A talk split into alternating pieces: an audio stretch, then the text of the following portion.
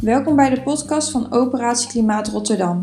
Afgelopen winter zijn wij de straat op gegaan om jouw mening over eerlijk klimaatbeleid te peilen. De resultaten nemen wij mee naar de politiek. Wat vinden zij? Luister mee naar de interviews met verschillende partijleden. Ik, ehm, eh, ik, eh, eh, bij mij is het lastige wel dat ik invaller ben op deze portefeuille. Nou, Dus daar wil ik al mee beginnen. Ja, die, die is, normaal is het Chantal Zegers. En ik ga me bijvoorbeeld de komende weken eh, heel erg inlezen eh, op de energietransitie. Eh, want daar krijgen we er een debat over. Maar ik weet dus niet alles precies hoe dingen zitten. Grotendeels wel, maar niet alles. Want ik ben ook havenwoordvoerder, dus ik weet er heus wel wat van, want dat moet ook. Dat Ehm, ook. En Schip, oh, Schiphol. Rotterdam Airport zag ik ehm, dat jullie ook daarmee bezig waren. Ja, ja. Maar we gaan het gewoon kijken en op het moment. Dat, kijk, het gaat ook om een soort kleur bekennen van de lokale politici. Naar aanleiding van de landelijke gesprekken. Hè. Dus eventjes ter introductie. We hebben met Milieudefensie, ik ben vrijwilliger bij Milieudefensie, hebben we Operatie Klimaat gestart. En Operatie Klimaat is eigenlijk klimaatgesprekken aangaan. Eerst met de burgers van Nederland. En daar hebben we 3000 live, ongeveer, 3000 live, iets meer. En iets meer dan 30.000 online eh, ja, gesprekken, enquêtes gevoerd. Om nou eens te voelen. En gewoon bij mensen die ja zeggen. Dus het is geen no- doorsnee, het is geen onderzoek of zo naar hoe de Ja. Nederlander ervoor staat. Maar gewoon bij mensen die, die zeggen, ja, daar wil ik wel over praten. Ehm, hoe die zich daar nou voelen. En, en ehm, bij de landelijke uitrol, hè, dus we hebben de, de resultaten verzameld en landelijk gedeeld met, de, eh, met een aantal politici. En eh, daar zei de D66-man, maar ik ben zijn naam nu even kwijt. Dat is niet zo netjes. Had hem wel even. Rutger Sponus? Hij schrijft aan het programma mee. Maar hij Eh, zei. Want omdat hij echt het programma van D66 heeft, zei hij ook van. Eh, wij vinden een allerlei dingen, maar we worstelen wel met hoe we dat dan overbrengen naar, eh, naar, naar onze achterban en naar de stemmers, naar eventueel nieuwe stemmers. Maar ehm, wij zeggen juist, kijk eens, kijk eens hoe het leeft. En dat is vooral dat ehm, iedereen eigenlijk heel blij was om in gesprek te gaan. Ehm, mensen die, ja, niet, natuurlijk, er zijn ook mensen die nee zeggen. Maar zeker als ze stonden te staan, vonden ze het echt, hè, bijvoorbeeld op het Centraal Station, als ze de tijd hadden, als ze niet aan het koken waren of wat dan ook. Dan was iedereen eigenlijk tamelijk ehm, open van, oh, daar wil ik wel even mijn, mijn zegje over doen. En dan blijkt toch dat een heel groot deel, dat had ik ook al gezegd, 91% zich wel degelijk echt veel zorgen maakt. Alleen niet weet, wat kan ik en wat moet ik en, en wat betekent dat voor mij? Maar zich wel degelijk zorgen maakt. En dat is Ja. Ehm, ja, dat viel ons ontzettend mee. En als je die andere percentages leest, hè, van 65, 75% van de deelnemers denkt gewoon dat we het wel kunnen betalen. En ehm, wat er wel heel erg speelt, is dat ze wel willen dat het eerlijk betaald wordt. En bijvoorbeeld ook de meerderheid, eh, ruim 60%, 60% vindt, zeker dat de zwakkeren beschermd, eh, eh, ontzien moeten worden. En, en nog een deel vindt in ieder geval dat ze min of meer ontzien moeten worden. Ehm 59 procent, je kunt zeggen dat is niet veel, maar die is voor circulaire landbouw. Invoeren van cir- ik vind het eigenlijk heel veel. ja. En, eh, en het is niet zo dat we, dat, dat ik ben zelf ook een van de meeloper, hè, mee, het? ik heb die gesprekken ook gevoerd. Het is niet zo dat 50% zegt, oh nee, klimaat, daar wil ik niet over praten. Een enkeling zei nee, daar heb ik geen tijd voor, geen zin in. Dus, het, ja. Dus de, uitkomsten waren eigenlijk wel, wel wij, wij durven te concluderen dat er eigenlijk wel een groot draagvlak is. En dat zijn dus de gesprekken met de, met de burgers. En nu willen we gaan kijken, en we hebben het dus gedeeld met landelijke politici ehm, in een gesprek. En nu willen we al die kleine cellen die in heel Nederland aan het uh, die klimaatgesprekken met de, uh, met de burgers doen, met de Rotterdammers bijvoorbeeld. Nu willen wij eens met de lokale politici uh, praten om te horen wat zij van deze uitkomsten vinden, maar ook waar zij zich op inzetten en wat, wat zij belangrijk vinden en hoe zij, zullen we zeggen, hun beleid of ideeën over het klimaat uh, kleuren. De inzet ja. daarop inderdaad. Dus dat is een beetje het idee. En we willen dus ook delen met de Rotterdammers. Ehm, Ja. En we willen verder gaan, want er is dus Operatie Klimaat eh, eh, gaat, krijgt een vervolg. Waarin we ook bijvoorbeeld vragen naar de politieke achtergrond van de mensen. Die hadden we nu bijvoorbeeld niet gevraagd. Dat durfde in eerste instantie niet. Dus daar heb ik ook een aantal vragen aan jullie van. Hebben jullie nog voorkeuren? Maar dat komen we helemaal op het eind. Is het Ja. zo'n beetje duidelijk, eh, de context? Ja. eh? Ja, en ik vind het ook heel, eh, heel goed dat jullie dat doen. Ja. Eh, ik, ik, ik denk altijd dat het heel belangrijk is om, ehm, eh, om echt van onderaf draagvlak te zoeken voor, voor beleid. En ook, ook te weten wat er speelt en wat mensen belangrijk vinden. Dus ik vind het heel, eh, ja, heel belangrijk wat jullie Ja. doen. Ja. Je zegt het ook in je statement, om daar dan even op in te gaan, dat je graag in, con- in contact wil komen met de, met de Rotterdammers zelf en dat Ja. ze kunnen benaderen. In eerste instantie dus over de gebieden eh, waar je in eerste instantie voor eh woordvoerder voor was. Hè, zorgbestuur en organisatie, sport en haven. Ik vind dat behoorlijk veel. Jullie hebben het wel druk. Zeg. En komt nu dat jullie het wel druk hebben met zoveel onderwerpen waar je je mee bezig moet houden. Ja, en ik ben bij D66 ook eh, eigenlijk invaller voor alle onderwerpen, bijna alles. Ehm, want ik probeer wel zo breed mogelijk te kijken. Ik denk dat dat ook een, ehm, eh, ik denk dat dat een meerwaarde heeft. Om het vanuit een brede perspectief te bekijken. nou, ik ben in het verleden ben ik eh, medewerker geweest in de Eerste Kamer. Ja. En, en toen waren we echt piepklein, drie zeteltjes daar. En, eh, ehm, en toen viel mij op dat vooral de woordvoerders van de echte hele kleine partijen ehm, een veel betere inbreng hadden. Dus je zou denken, ja, je hebt geen tijd om je te verdiepen in de onderwerpen, je hebt te veel. Maar juist door je met van alles bezig te houden, zie je dwarsverbanden. Eh, Dus het opnemen van duurzaamheid is geen probleem. Nou, Nee. ik moet zeggen dat ik het. eh, ik heb nu, eh, nu tijdelijk duurzaamheid, mobiliteit en energietransitie erbij. En ik merk wel dat ik een achterstand heb. Dus dat ik soms dingen. Ik, ik heb laatst in het debat dingen gezegd. Ik denk, als ik de achtergrond beter had gekend, had ik, me, had ik dat debat iets beter gevoerd. Dus ik ga nu ook de komende twee weken wat eh, debatten terugkijken en dergelijke. Om toch ehm, die geschiedenis te pakken. Dus het is wel nodig om er echt wel wat van te weten. En ook de geschiedenis van de besluitvorming goed te weten. Maar ik denk dat als je met veel onderwerpen bezighoudt, dat je ook dwarsverbanden kan, eh, kan zien. Ehm, veel onderwerpen komen ook terug in, ehm, eh, in, op meerdere onderwerpen, zoals bijvoorbeeld aanbestedingen of privatisering van eh, eh, bepaalde partijen. En duurzaamheid is natuurlijk ook iets wat op veel onderwerpen terugkomt. Dus wat dat betreft is het wel handig soms om het wat breder te zien, juist. Ja. Denk ik. En, en ehm, eh, als ik dan even als introductie, wat betekent duurzaamheid voor jou persoonlijk? In mijn, in mijn persoonlijke leven? Ja, ik, ik moet zeggen dat ik daar wel eens mee worstel. Omdat ik bijvoorbeeld graag reis. Eh, dat vind ik een lastige. Eh, ik voer daar wel gesprekken thuis over. Van, ehm, eh, dat we, hoe kunnen we zelf ook duurzamer zijn? Ik probeer bijvoorbeeld ehm, eh, bewust wel echt veel minder vlees te eten. Ehm, eh, dat is wel iets wat ik, wat ik echt bedoel. Ik rij zelf geen auto, dus dat scheelt wellicht.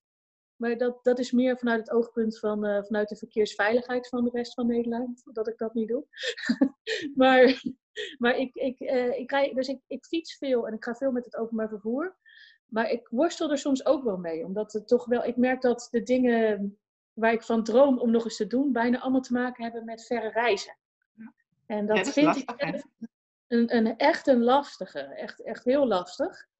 Ehm, eh, dus daar, zit wel een worsteling in, eh, maar ik, ik hou me er wel degelijk eh, mee bezig. Ehm, duurzaamheid ook qua spullen. Ik, ik gooi niet graag goede dingen weg. Ik probeer dingen een nieuw, nieuw leven te geven. Ehm, eh, dus wat dat betreft probeer ik daar wel op te letten. Maar ik, ik, ik, ehm, eh, ik zou zelf niet graag, wat sommige D66'ers doen, een, zo'n klimaatdrammertrui aandoen. Want ik vind toch dat ik geen recht tot drammen heb, omdat ik toch wel vlieg. En, eh, Omdat je er geen recht op hebt. Maar je bent er dus wel heel erg mee bezig. En als je dan die, eh, die vijf uitspraken, maar eventjes kort door de bocht, die vijf eh, bevindingen, zeg maar zeggen, uit de klimaatgesprekken landelijk ziet. Welke, welke van die punten vind jij interessant om op door te gaan? Of op door te gaan? Even kijken, kan je ze nog een keertje voor mij... Nou, sowieso dat er dus echt een heel groot deel van de, van de Nederlanders blijkt eh, zich zorgen te maken over het klimaat. Met name over de grote dingen, hè, dus de stijging van de zeespiegel en de, de opwarming van de aarde. Dat, ehm, dat het- merendeel, ruim 75%, denkt dat wij dat als Nederlanders, als Nederland, als overheid kunnen betalen. En dat ze ook een, een rol voor de overheid, overheden, grote en kleine, eh, zien weggelegd. Ehm, hele duidelijke voorkeur, eh, of tenminste hele duidelijke stellingname dat de vervuiler moet betalen. En dat ze dus mee willen doen zelf. Als dat ook eerlijk gebeurt, Ja. hè, door de vervuiler te laten betalen. Dat is punt drie. Dan punt vier is een duidelijk punt dat men vindt dat de zwakkeren ontzien moeten worden. Ja. Zwakkeren in de samenleving. En tenslotte toch nog eh, zeker 60% die eh, duidelijk voor een investering in circulaire landbouw ehm, ja, is. Dan is dat het laatste punt misschien raar in Rotterdam, maar ik denk als je aan de circulariteit denkt, ja. ehm, kan je daar ook lokaal wat mee. Dus ik weet niet welke van de punten zou je weer willen beginnen.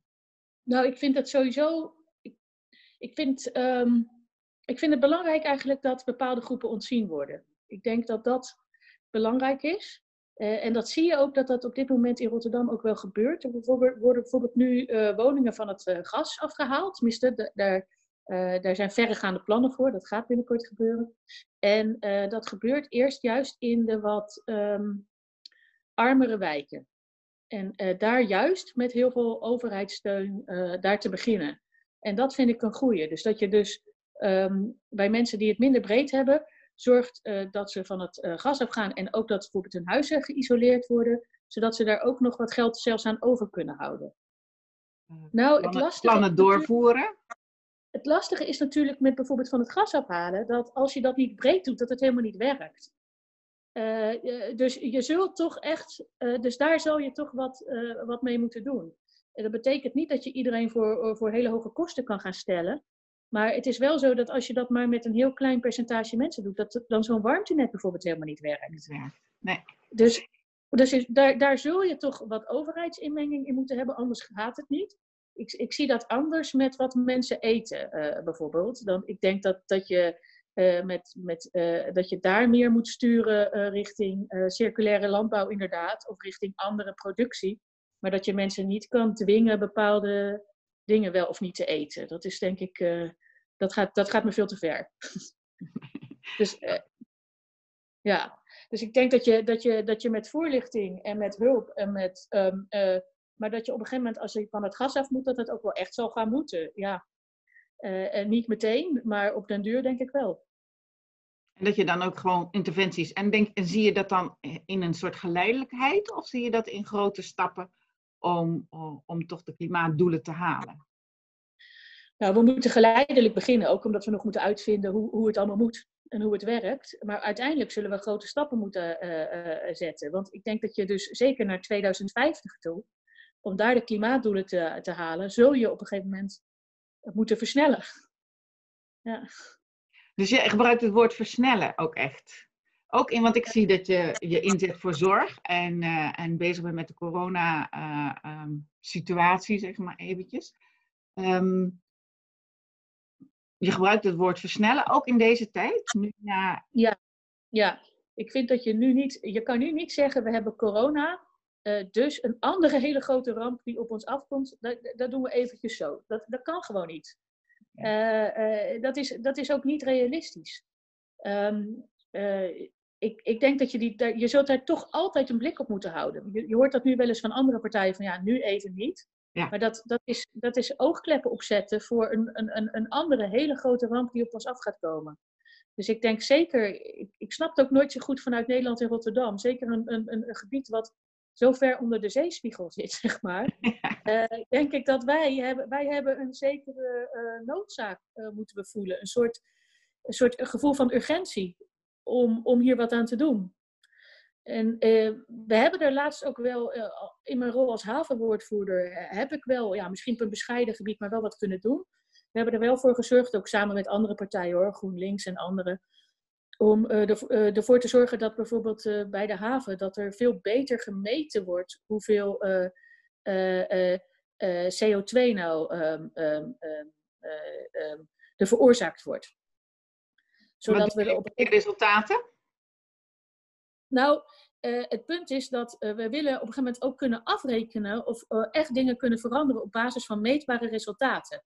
Dus als, het dan, als, als zij hun eigen resultaten niet halen en ze, er, er, komt toch meer CO2 bij, dat je op een gegeven moment toch moet zeggen, ja, nou zijn er andere maatregelen nodig. maar daarvoor moet je dus eerst zorgen dat het beter ehm, gemeten wordt. of berekend, berekend eigenlijk. Hè? CO2 meet je niet, maar berekenen. Berekenen, ja. Ja, inderdaad, want het is niet hard te meten. En, en met dat soort berekeningen uh, loop je dan, um, ik denk dat het in Rotterdam lokaal echt iets uh, kan betekenen voor de Rotterdamse burgers. Maar um, die Rotterdamse burgers, dat kunnen, die kunnen natuurlijk in opstand komen, net als de boeren. En die berekeningen uh, ter discussie stellen. Gebeurt dat ja, ook? Dat... dat zou natuurlijk kunnen, maar we hebben nu wel gezorgd dat het in de havenvisie zelf staat. Dus dat het ook in hun eigen document uh, um, staat. Dus dan vind ik, ja, dan kun je ze er gewoon aan houden. Dan kunnen ze niet uh, later gaan zeggen dat, dat dat toch niet moet. Ja. En, en in de havenvisie zelf betekent dat van, eh, want ik weet niet alles van de haven, maar betekent dat dat van een havenbedrijf? Uh, van, nou, de havenvisie wordt opgesteld door, door heel veel partijen, maar de, in de lead is het havenbedrijf. Uh, uh, maar dat die wordt opgesteld samen met ook de bedrijven in de haven, uh, de okay. provincie en, en noem op. Dus dat is een heel breed gedragen visie. En daarin hebben we kunnen, en eigenlijk kan de gemeenteraad er alleen maar ja of nee tegen zeggen. Dat is wel een beetje frustrerend. Maar um, wij hebben er wel voor gezorgd dat, dat, dat concept is aangepast. Dus dat daar dus nu meer, um, ja, de CO2 ook echt berekend moet worden en, um, en daar op basis besluiten moet worden genomen. Dus ik denk dat we daar wel echt een, um, uh, nou ja, daar ben ik best trots op. uh, dat we daar echt iets kunnen betekenen. En, um, en dat zou bijvoorbeeld kunnen betekenen dat als dat op een gegeven moment heel erg toeneemt, dat je toch ingrijpendere beslissingen moet kunnen nemen. Dat je dan toch bijvoorbeeld um, eerder moet uh, toegaan naar het sluiten van, van kolencentrales bijvoorbeeld.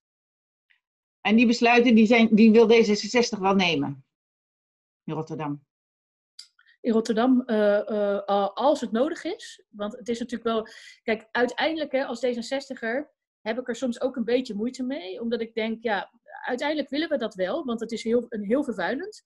Um, uh, maar als je gewoon Europees kijkt, zijn er natuurlijk elders in Europa nog veel erger vervuilende kolencentrales dan die nieuwe die we hier hebben. Dus een Europese aanpak zou nog beter zijn. Um, uh, maar aan de andere kant moet je ogen niet sluiten dat die uh, kolencentrales in de haven, dat die um, wel voor een heel groot gedeelte van de, van, van de, van de CO2 van Nederland uh, verantwoordelijk zijn. dat, dus dat dat wel een, um, niet iets is waar je omheen kan kijken. En, en wat betekent zo'n, wat, wat moeten Rotterdammers, hè, wat moet ik me dan voorstellen bij zo'n uh, sluiting van de, van de kolencentrales of misschien het andere kolenverhaal, hè, de, uh, de overslag van kolen hier in de haven. Um, betekent dat alleen iets voor de banen of betekent dat ook iets voor ons, wij die hier wonen? Nou, het betekent vooral ten eerste iets, want je moet daar ook niet te snel naar over willen gaan voordat je echt moet inzetten op energietransitie naar andere vormen van energieopwekking toe. Want voorlopig kun je nog helemaal niet alles van uh, zonder olie. Dus je zult, uh, je zult echt heel hard moeten inzetten uh, naar energietransitie. En daar zijn we in Rotterdam natuurlijk heel hard mee bezig. En daar gaan, gaat ook gewoon veel geld naartoe. En, en ik denk dat, dat je, je mag en iets van je bewoners wel vragen, maar je moet ook kijken waar zit nou de grootste vervuiling. En waar zit die volgens jou? Um, in Rotterdam zit dat toch um, bij, bij de industrie. Bij de industrie, ja. ja. En de industrie heeft natuurlijk altijd heel veel voorrang gehad uh, in Rotterdam. En de haven is gegroeid en eindeloos gegroeid. Dat is een van de dingen waar ik me altijd mee bezig, of tenminste waar ik me altijd druk maak van die groei is toch niet eindeloos. Um, hoe kijkt Rotterdam daar tegenaan? Of in D66 dan, de fractie? ja, uh, nou, het lijkt er ook op alsof die groei helemaal niet eindeloos is. Het, het, het, het, neemt ook wat af. En je ziet ook dat um, de, de, de volledige inzet op meer en meer overslag is, is helemaal niet zo. Ehm, ja, het is niet te verwachten dat dat doorgaat op de korte termijn. Ook, ook, ook door andere zaken, door, ehm, door bijvoorbeeld de Amerikaanse handelspolitiek op dit moment. En, maar ook door, doordat er toch sommige bedrijven nu overgaan naar meer lokaal te produceren. Ehm, en eh, de coronacrisis zou er ook wel eens een aanjager van kunnen zijn, om toch uh, um, uh, dat die overslag toch echt minder gaat worden. Dus ik denk niet dat dat, dat per se het, een blijvend groeimodel is voor de haven van, van Rotterdam. Dus dat je toch toe zal moeten gaan naar duurzamere, um, een duurzamere haven, die vooral groeit door meer um, ja, meer innovatief duurzaam bezig te zijn en zich daarop te richten en daar ook eh, bedrijvigheid mee naar Rotterdam te trekken. En vindt jullie Rotterdamse fractie het ook moeilijk om dat te vertellen aan, de, aan, uh, aan jullie achterban, uh, jullie stemmers? Nee. Nee? Eigenlijk niet. Nee, volgens mij niet. Um, D66, onze achterban, die juicht dat echt, in ieder geval onze directe leden juichen dat echt toe. Dus ik, ik, ik, heb, ik heb eigenlijk daar nooit een discussie over gehad op ledenvergadering of iets dergelijks, dat onze achterban zegt, uh, doe, eens, doe, doe eens rustig aan. En ook niet in coronatijd dus? Nee, helemaal niet. Wij, uh, defensie natuurlijk als muziek in de oren. nou ja, we hebben bijvoorbeeld op ons digitale congres daar een prachtige speech van Sigrid Kaag over gehoord. Ja. Van, van ga daarmee door. Um, dat is onze stip op de horizon. En ik denk dat uh, ik, ik, ik, ik, ik, werd daar heel enthousiast van. Ja. Oké, dus, dus daar hoeven we dan niet um, moeilijk over te doen, bij wijze van spreken. nee, dat is bij D66 natuurlijk niet echt een. Uh, een nee, nee, nee. nee. Ik, probeer, ik, probeer, natuurlijk toch een beetje kritisch vragen te stellen. Maar, maar het is natuurlijk wel, er is wel een verschil. Eh, zou je misschien dan uh, kunnen zeggen rondom uh, bijvoorbeeld die, uh, die um, circulaire landbouw? Hè? Um, hoe positioneren jullie je anders dan de andere partijen? Hè? Want ik zit ook natuurlijk richting gemeenteraadsverkiezingen te, te denken. in, in welk opzicht zijn jullie, hebben jullie een ander standpunt dan de mensen meer zoals GroenLinks of Leefbaar Rotterdam? De andere nou, kanten? Um, ik denk dat we, we zitten, we, we, neigen eerder naar, uh, we zitten eerder aan de kant van GroenLinks natuurlijk dan van Leefbaar Rotterdam. Want Leefbaar Rotterdam vindt toch veel klimaatmaatregelen niet zinnig. Um, uh, die, die willen zich meer richten op. Um, ze zijn geen uh, klimaatontkenners, hè? Dat, dat, dat hebben ze zeker gezegd. Maar ze, ze, ze, ze zijn toch wel erg nog voor de auto en vooral ook heel erg voor als eerste zorgen voor de bedrijvigheid dat die naar Rotterdam blijft, voor de werkgelegenheid. Dus dat is meer um, hun doel. Uh, GroenLinks is meer, uh, die, die gaat soms ook nog weer wat verder dan wij. Dat ze bijvoorbeeld dan um, geen enkele uh, vervuilend bedrijf meer willen toelaten in de haven. wij zitten daar wel wat, wat genuanceerder in. Dus, en, en wat is het argument om daar toch gewoon ook een paar vervuilers, bij wijze van spreken, toe te laten? En welke wel en welke niet dan? Nou, als je bijvoorbeeld kijkt, um, uh, als je een circulaire um, uh, haven wil, dan heb je misschien zelfs wat chemische bedrijven nodig. Uh, die waterstof kunnen leveren. En die, dus het, het, het, is niet zo makkelijk om te zeggen van ja, je wilt geen enkel vervuilend bedrijf. Soms heb je ze zelfs nodig, um, bepaalde chemische bedrijven, om een circulaire haven te kunnen krijgen. Om juist bepaalde eh, stoffen weer te kunnen gaan verwerken of door te kunnen geven. Dus het is, voor ons ligt dat toch uh, iets anders, zeg maar. En moet die vervuiler dan wel betalen? Uh, Want um, wat was het? 80% vond dat ook, hè? Ja, ik vind dat soms ook wel eens een beetje um, um, uh, makkelijk. Want betekent dat dan ook dat de gebruiker van, uh, van die producten dat ook allemaal moet betalen? Dus moeten moet al die producten dan duurder worden? Als je dat aan mensen vraagt, vinden ze dat dan ook nog? Nou ja, de keuze van de, van de aankoop van de producten. Ik weet niet wat mensen daarvan vinden. Die vraag hebben we niet doorgesteld. Vind ik wel een goeie. Dat zal ik wel meenemen. Maar ik kan me voorstellen dat uh, of je een product koopt of niet, is natuurlijk dan aan de keuze van de consument.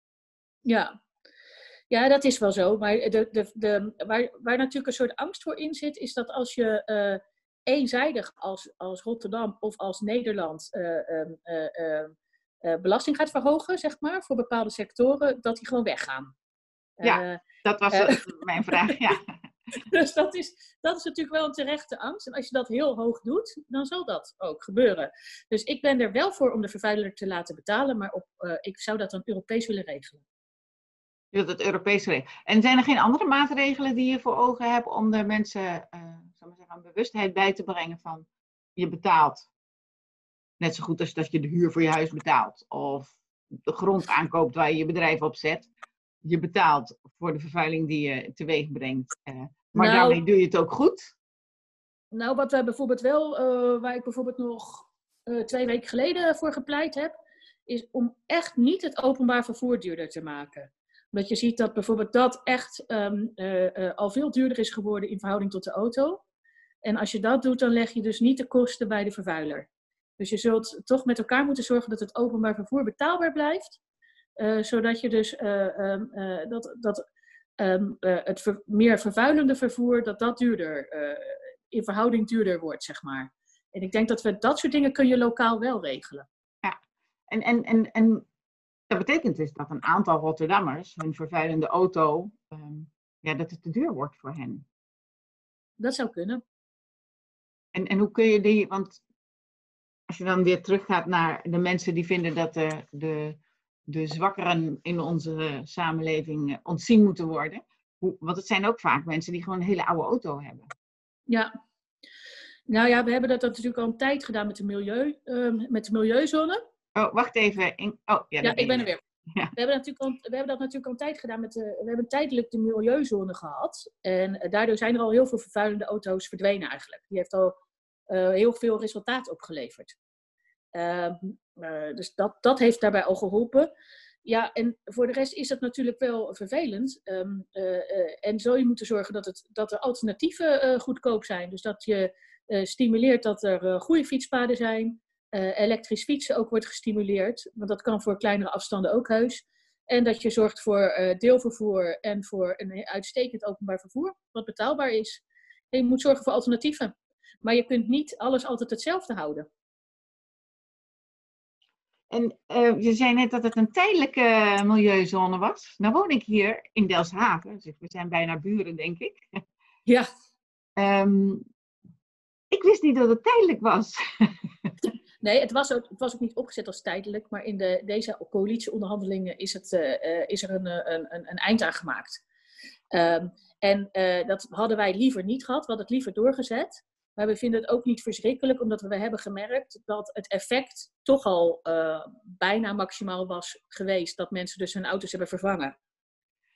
Je bedoelt dus eigenlijk dat, het, dat die maatregel zoveel effect had, dat die niet ja. in stand gehouden hoefde te worden. Maar dus, dus deze, de coalitie die er nu zit in Rotterdam, die heeft um, die, klaar, die, uh, die uh, milieuzone weer opgeheven. Juist. En dat is, dat is eerlijk gezegd gewoon iets wat wij hebben verloren in de onderhandelingen ja, zo gaat dat. Uh, we hadden dat liever gehouden, maar aan de andere kant, het is geen echt enorme ramp, want het, die maatregel heeft al ja, zoveel effect gehad dat we er wel mee kunnen leven. We denken ook niet dat mensen dan nu weer uh, uh, al die vervuilende auto's terug gaan kopen, zeg maar. Sterker nog, bewoners hebben het niet eens in de gaten dat het voorbij is. Nee, of ik heb het niet eens in de gaten gehad. Ik heb altijd die borden met die camera. Um, Even kijken hoor, of we nog een, eh, een, eh, een leuke vraag hebben. Um, er wordt nu, hoor je veel vanuit de filosofische hoek, maar ook uit, vanuit de economische hoek, in krantenartikelen, op Twitter, um, de social media, een hele duidelijke roep om de, deze periode um, aan te grijpen voor grote verandering, systeemverandering. Ik hoor jou al zeggen dat je zegt, we moeten juist versnellen. Deze tijd gebruiken om te versnellen. We, beginnen, we hebben nu zeggen, de ruimte om dingen te veranderen. Uh, zie je dat ook in systeemveranderingen? Dat we echt bijvoorbeeld andere eisen, dat we het accent misschien wel op de, het welzijn van de Rotterdammers moeten uh, leggen in plaats van op de economische groei. Um, zie je dat in grote veranderingen? Of? Ja, ik vind dat altijd moeilijk om dat tegenover elkaar te zetten. Want aan de andere kant heb je bijvoorbeeld ook een steeds duurder wordende gezondheidszorg. Want die kosten lopen ontzettend op, waar je ook wel weer economische groei voor nodig hebt om die te betalen. En uh, ik vraag me dus af, als je minder economische groei hebt, of je dus die uh, oplopende kosten bijvoorbeeld in de gezondheidszorg kan blijven betalen. En of dat dan niet ook juist weer heel veel welzijn kost voor mensen. Dus ik, ik vind die, die tegenstelling vaak een, um, ja, ik weet niet of dat een eerlijke tegenstelling is. Van ja, geen economie, wel welzijn. Ik denk dat je, dan, dat, je dat wel ervoor nodig hebt. Dus je koppelt rechtstreeks, moet ik even goed over nadenken, of ik daar een vervolgvraag op kan zeggen. Je koppelt rechtstreeks eh, dat de inkomsten, dus de, de baten van die economische groei ingezet moeten worden voor het welzijn van de mensen. Maar dat gebeurt al. Kun je voorbeelden noemen voor nou ja, sowieso. Als je kijkt naar, uh, uh, naar ons hele sociale stelsel, dat moet je wel kunnen betalen. onze, onze gezondheidszorg, dat moet je ook kunnen betalen. het is niet zo dat je gewoon kan zeggen, nou, dat houden we allemaal in stand en we richten ons niet meer aan hoe we, op hoe we dat kunnen betalen met z'n allen. Dat, dat, is, dat is, in mijn ogen is dat een tegenstelling wat, wat niet helemaal eerlijk is. Ja, maar wat betekent dat nou voor de gezondheid van Rotterdammers, als bijvoorbeeld wat we toch jaren hebben laten gaan, de luchtvervuiling hier echt uh, smerig is. Ik bedoel, als ik mijn vensterbanken schoonmaak, dan haal ik daar zwart af. Um, nee, dat is, dat is echt iets waar we wat aan moeten doen. En dat gebeurt ook wel. Hè. Ik ben zelf bijvoorbeeld heel blij dat er voor mijn huis nu elektrische bussen rijden. Dat ja. zal echt uh, uh, heel veel schelen in, in, in, in, de directe luchtvervuiling voor mijn huis. Um, of het direct uh, wereldwijd helpt is de vraag, want die elektriciteit wordt natuurlijk nog, niet zo schoon opgewekt. Uh, maar voor de, voor, de, voor de luchtverontreiniging hier in de straten kan dat enorm schelen. En ik denk ook dat we echt moeten inzetten op, op de fiets, op het openbaar vervoer. En die voorrang geven boven, boven de auto. En moeten inzetten op, uh, op schonere industrie. Um, en wat je nu ook ziet met corona is natuurlijk, ja, dat is hier in Rotterdam natuurlijk minder, is dat je ziet dat uh, ook de intensieve veeteelt, dat we daar toch nog echt heel kritisch naar moeten kijken. Niet alleen uit het oogpunt van stikstof, maar dus ook uit het oogpunt van volksgezondheid. En wat kan Rotterdam, wat kan zo'n stad, zo'n industriestad um, daaraan doen? In hoeverre? Nou, juist heel veel. Uh, uh, wij zitten met ons klimaatakkoord aan tafel met, uh, met natuurlijk met het havenbedrijf en met allerlei partijen. Om te zorgen dat hier schonere bedrijven komen, dat hier innovatie komt en dat we hier juist inzetten op die energietransitie. Maar de landbouw bedoelde ik echt specifiek. Hè? Oh, de landbouw. Nee, ja. dat is natuurlijk voor ons, ons heel moeilijk. Wij hebben niet zoveel landbouw. Nee. nee. Maar we zouden bijvoorbeeld, ben je er ook voor om, om maatregelen te nemen binnen een stad bijvoorbeeld de lokale landbouw, die wel net buiten de stad ligt, te stimuleren. In misschien wel simpele maatregelen als veel meer kleine boerenmarktjes uh, uh, toe te laten of, of op, op een, een of andere, andere manier dat laagdrempeliger te maken, dat je lokaal produceert en lokaal koopt als consument. Ja, dat, dat weet ik niet precies. Want ik denk wel dat je. Ik heb daar wel eens onderzoeken over gelezen dat dat toch te, eh, dat, dat levert wel wat op, maar daar kun je niet een hele stad van, uh, van voeden, zeg maar. Van die stadslandbouw en, en, en de boel daaromheen. Dus ik denk dat je toch, ik denk uiteindelijk dat als je wil kijken naar veranderingen, dat je dat landelijk en ook, en ook Europees moet doen. Dat je moet kijken van wat wil je nou met die intensieve veeteelt. En dat je daar, um, dat je daar ook echt op moet inzetten. En, en dat je ook moet inzetten op, um, op misschien een ander ander grondgebruik. want je ziet toch dat dat uh, levert ook veel eh, CO2 op, de intensieve eh, landbouw. dus ik denk dat je, daar, dat je daar naar moet kijken. en natuurlijk is het wel heel leuk om innovatie toe te, om te innoveren binnen Rotterdam. En, uh, en, en daar komen ook wel, uh, er komen ook wel subsidies voor. Om, als je dus ideeën hebt om, um, voor de energietransitie en, en, en, en voor de duurzaamheid, dan, dan, dan staat Rotterdam daar heel erg voor open. Dus wat dat betreft kan je wel aanjagen. Um, maar ik, ik wil geen te grote broek aantrekken dat wij vanuit Rotterdam, zo'n stedelijke omgeving, de landbouw kunnen hervormen. Dat, dat, dat lijkt me maar we hebben natuurlijk wel een grote, uh, uh, zeggen, een groot vat aan consumenten die allemaal eten. Ja, dat wel. Dus als we daar, als we daar uh, met z'n allen innovatieve ideeën voor kunnen bedenken, dan staat Rotterdam daar natuurlijk zeker voor open. want er komt straks ook een heel groot energiefonds. hè? Die, ehm, Kun je daar wat meer over vertellen, wilde ik even vragen. Ja. Nou, volgens mij, ik hoorde laatst van de wethouder dat over een paar weken de eerste echte plannen komen. dus dat is nog niet, daar, daar zit ik nog minder in. Uh, maar het gaat er echt ook om dat ook Rotterdammers met goede ideeën en ook Rotterdammers uh, bedrijven en organisaties uh, met plannen voor die duurzaamheid daar, um, en, en de energietransitie daar aanspraak op kunnen maken. Dus het is niet de bedoeling dat de overheid dat allemaal zelf gaat doen, maar juist van onderop. Maar daar wel geld voor beschikbaar stelt, begrijp Zeker. ik. En, en moet ik dan aan leuke kleine dakprojectjes denken? Of moet ik dan echt ook aan grote, grote projecten die echt veel geld nodig hebben? Volgens mij allebei. Dus echt zo, inzetten op kleine initiatieven en grote, ja. misschien wel havenbedrijven? Zo groot? Uh, ja, dat, ik, ik, ik ben altijd bang om dingen te zeggen die ik niet helemaal weet. Dus dan, uh... nou, misschien kun je me wel op de hoogte houden als het er ja. is. Want dan weten wij het graag ook, hè? Dus uh, ja. ik zal het zelf ook eventjes opzoeken. Even kijken. Um, ik had nog een laatste vraagje. Um, naar aanleiding van eigenlijk de algemene uh, houding, of tenminste reactie. Die, voor mij, ik vond het vreselijk. Je moet je voorstellen, je moet allerlei mensen aanspreken over klimaat. Ik uh, heb dat in mijn hele leven altijd maar heel beperkt gedaan. Vanwege de reacties. En uh, nu moest ik dat dus vanuit het, uh, nou niet... Oh, wacht. Er staat iemand heel hard op mijn deur te bonken. Ik, um, ik zet hem wel eventjes op pauze. Ja, Gelukkig kunnen we het gewoon even op pauze zetten, dat is geen probleem. Ja. Um, ik wilde nog een klein beetje vragen uh, of er um, een dilemma is binnen D66. Omdat jullie liberaal, hè, uh, liberaal zijn als partij in politiek en beleid en visie. Um, wat, met betrekking tot in hoeverre je interventie kan gaan. De kleine huiselijke dagelijkse dingen die ik hier zie, is bijvoorbeeld de, de dakprojecten, de groene dakenprojecten voor particulieren, de zonnepanelen voor particulieren, de elektrische auto voor de deur. Maar ik verbaas me ook over alle stenen tuinen die ik beneden uh, mij zie ontstaan. En denk van ja, voor het grondwaterpeil en voor het vasthouden van het en voor de afvoer um, zou het eigenlijk hartstikke belangrijk zijn om Rotterdammers daar bewust van te ja. maken.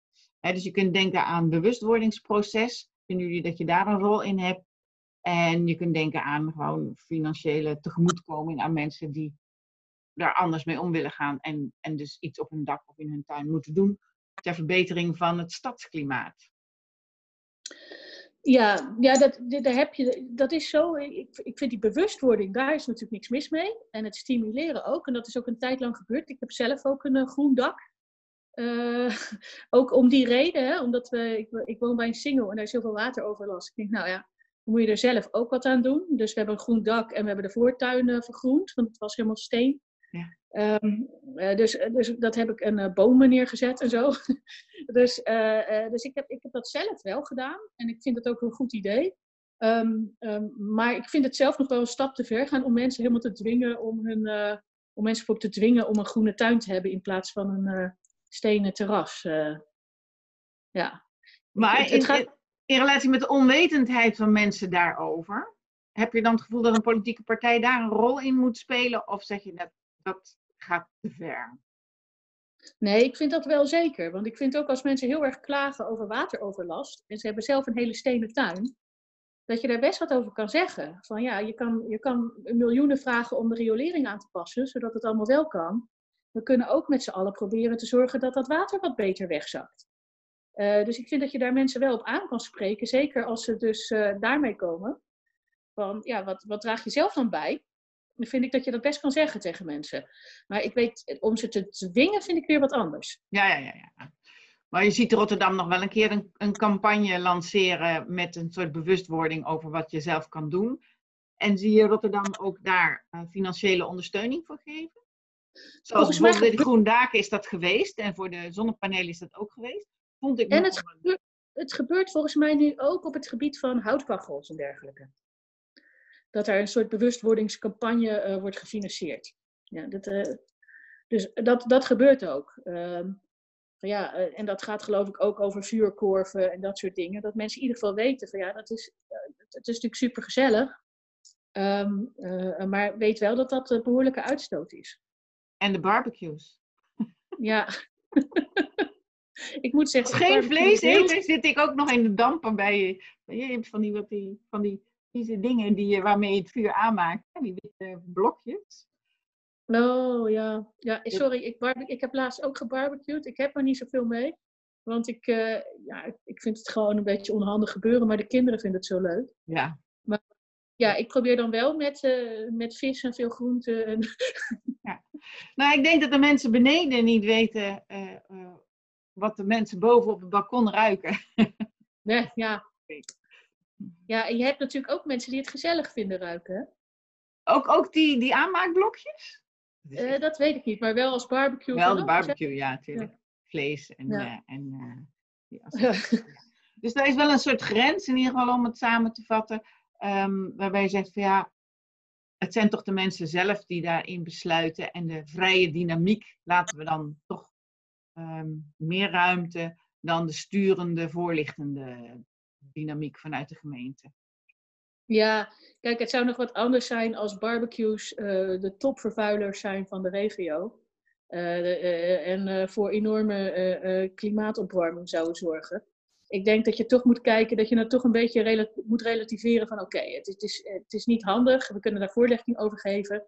Um, uh, uh, maar het is ook weer niet het, het, qua klimaat het allergrootste probleem. Nee, nee, nee. nee. Niet, niet specifiek de barbecue, maar ik bedoelde meer alle klimaatmogelijkheden die mensen zelf hebben thuis. Hè? Ja, ja, nee, dan, uh, dan zitten wij meer op, op, op verleiden dan op, op dwingen, inderdaad. Nou, dan vraag ik tot slot, heb je nog een leuke maatregel, verleidingsmaatregel in, in je hoofd waar je aan zou willen werken in Rotterdam? Nou, um, wacht oh. hoor.